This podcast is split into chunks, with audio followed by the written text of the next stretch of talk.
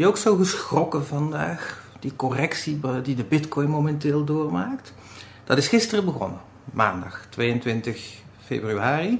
Toen zagen we de prijs uh, heerlijk naar beneden kukelen.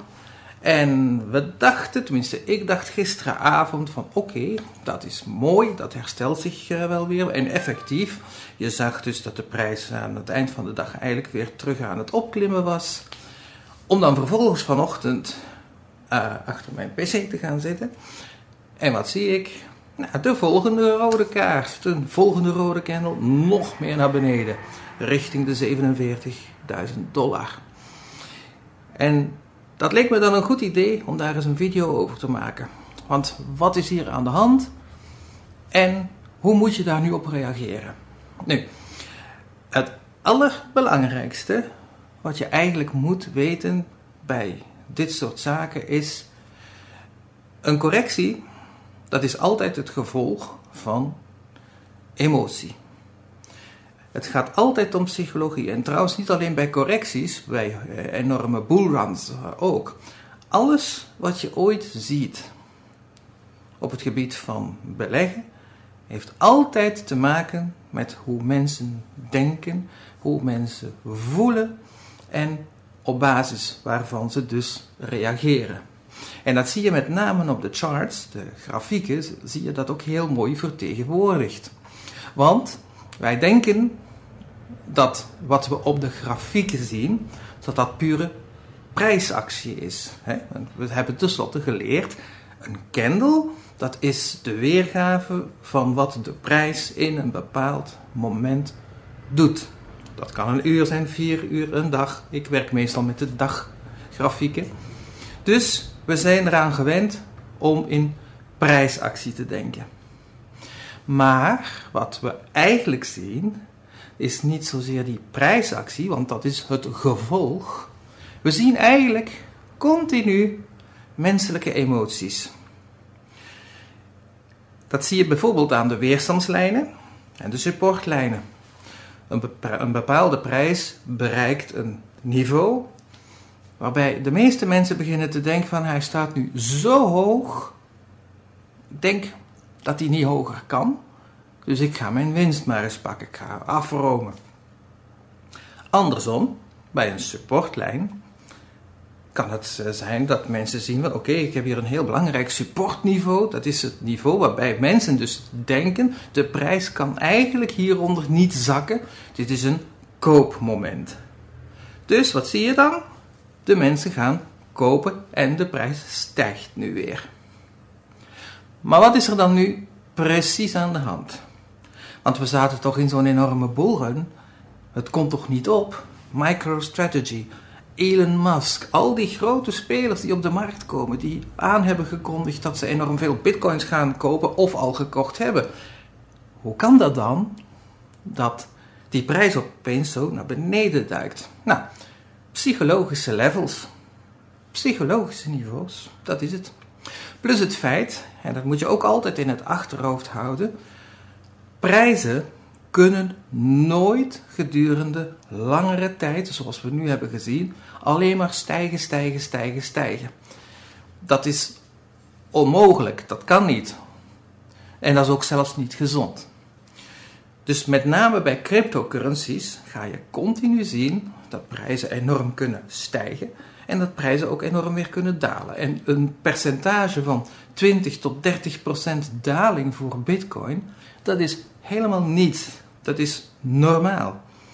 Daar moet je een beetje aan wennen als je nog niet zo lang met cryptocurrency bezig bent, maar het is een feit. En waar ik je voor wil waarschuwen is dat je je niet gek moet laten maken. Want dat is dus wat er gebeurt. Uh, fear, uncertainty, doubt. FAT heet dat. Dus mensen worden bang, mensen zien die prijzen dalen en gaan in paniek verkopen. De grote jongens, die wachten daarop. Die zorgen ervoor dat jij in paniek raakt. Die zorgen ervoor dat zij vervolgens wat jij verkoopt goedkoper weer kunnen inkopen. En zo is het cirkeltje rond en de prijs stijgt weer verder. Er is ook nog iets anders aan de hand natuurlijk.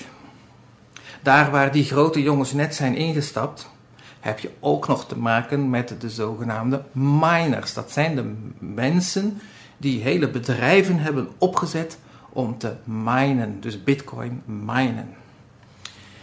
Op een bepaald moment bereikt dus de bitcoin een zodanig niveau dat de miners eigenlijk een beetje het idee hebben van kijk, het wordt eigenlijk toch wel eens tijd om onze winst te pakken. Dus wat zie je dan? Een enorme dump op de exchanges. De miners komen, dumpen hun bitcoin op de exchange. Wat gebeurt er dan? Heel simpel. Er komt meer supply. Er wordt enorm veel bitcoin op die exchanges gezet. Supply. Dus de voorraad stijgt. Er is meer bitcoin beschikbaar. Wat heeft dat voor een gevolg? De prijs zakt in, want er is meer in voorraad. Je weet wel, bitcoin, waarom stijgt bitcoin in waarde? Omdat bitcoin van nature een coin is die in schaarste alleen maar kan toenemen. Want je weet het, er is maximum 21 miljoen bitcoin beschikbaar. Er wordt enorm gemined, er wordt gehandeld, dus er, komt, er wordt steeds meer bitcoin eigenlijk uit het verkeer getrokken. Tot de miners natuurlijk hun gemijnde bitcoins weer op die markt gooien. Dan komt er weer meer. Dus het feit dat miners op een bepaald moment hun winsten pakken, en ze moeten dat ook wel eens ergens doen, ja, op dat moment zie je dus die prijzen weer inzakken. En zo zijn er natuurlijk nog andere. Het zijn niet alleen de miners. Er zijn uh, beleggers, traders en zo, die op diezelfde niveaus eigenlijk bepalen van ik wil nu een deel van mijn winst pakken. Dat is marktwerking. Niks aan te doen. Als jij in bitcoin zit, dan zit je daar waarschijnlijk voor de langere termijn in. En als jij gewoon een portfolio aanhoudt van bitcoin en bijvoorbeeld ook een aantal altcoins, als je dat gewoon vasthoudt, dan hoef je je eigenlijk niet zo direct enorme zorgen te maken. En zeker niet nu in 2021. We staan nog maar aan het begin van een enorme bullrun. Dus op dit moment is er wat dat betreft eigenlijk niks aan de hand. Zakt die 30%? Oké, zo so be. Eigenlijk is dat wel een mooi koopmoment. En dat is dan ook wat ik gedaan heb. Vanmorgen. Ik heb bitcoin bijgekocht, terwijl hij aan het zakken is. Nou, dat is toch mooi. Ik heb nu op een goedkopere manier bitcoin kunnen aanschaffen. Nou, en nu laat ik die met de rest van mijn portfolio weer lekker meestijgen. Natuurlijk, dat is wat ik doe. En ik kan jou niet adviseren om hetzelfde te doen, want ik ben geen financieel adviseur. Maar het is wel een gezonde manier om met die materie om te gaan. En vooral je nooit gek laten maken op wat je ziet gebeuren op die markten en wat je op Facebook en andere social media ziet aan, aan eh, reacties van mensen. Want onthoud één ding goed. Datgene wat mensen doen rond Bitcoin en de waarden die zij eraan toekennen, door bijvoorbeeld te kopen of te verkopen, wil niet zeggen dat het de echte waarde van de coin in kwestie is. Het is een opeenstapeling van sentiment, emotie, psychologische factoren die bepalen hoe die marktbewegingen zijn. Maar het zegt eigenlijk niets over de onderliggende waarde.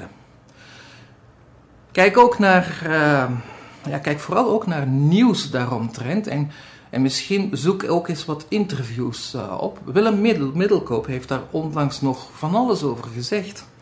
Bitcoin is momenteel, en eigenlijk al heel lang, maar Bitcoin is eigenlijk een asset eh, zoals goud dat is. Het is een beleggingsasset.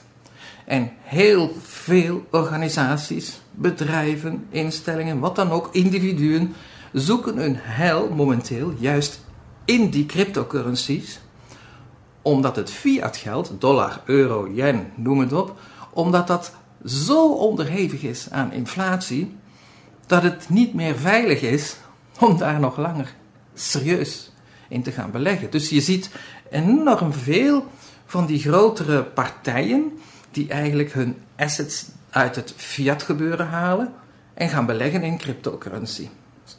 Vandaag lijkt dat natuurlijk een enorme tegenstelling, want ja, hij zakt zo, bedoel, maar ik heb je net uitgelegd hoe dat dus komt. Samengevat, laat je niet gek maken. Als je bitcoin hebt, op dit moment, ga dat best niet verkopen. Houd het lekker vast. Wacht tot er een omkeer is. Houd de markten goed in, uh, goed in de gaten. Houd ook mijn kanaal goed in de gaten. Want ik plaats tenslotte toch geregeld updates daarover. En ja, in de toekomst gaat er een moment komen dat de bullmarkt over is. Tijdelijk. Dat we echt een langere periode van dalingen gaan meemaken. Bearish sentiment, de bear market. Die moet natuurlijk ook komen, want we werken met cycli. Kan niet anders. Maar die periode, die is nog niet aangebroken. Niet als je een beetje volgt wat er in cryptoland allemaal gebeurt. Niet nu, niet in 2021. Ik zou wel een beetje oppassen wat er in 2022 gaat gebeuren. En zeker als de bitcoin de 100.000 dollar aantipt. Dat houden we voor de toekomst. Daar gaan we naar kijken. Maar voor nu hoop ik dat je begrijpt dat meegaan in sentiment van anderen en vooral de paniek van anderen, dat dat een slechte raadgever is. Hou lekker je bitcoin vast als je hem hebt. Wil je in bitcoin instappen? Wie weet, misschien is dat wel een heel goed moment om dat te doen. Hoeft niet met grote bedragen. Maar als je het overweegt, vandaag zou wel eens de dag kunnen zijn. Nou, dit gezegd hebbende, wens ik je nog een hele fijne dag. Ik zie de zon zo'n beetje erdoor komen, dus ook vandaag weer een mooie dag, kennelijk. Ik ga straks ook lekker even naar buiten. Geniet van je dag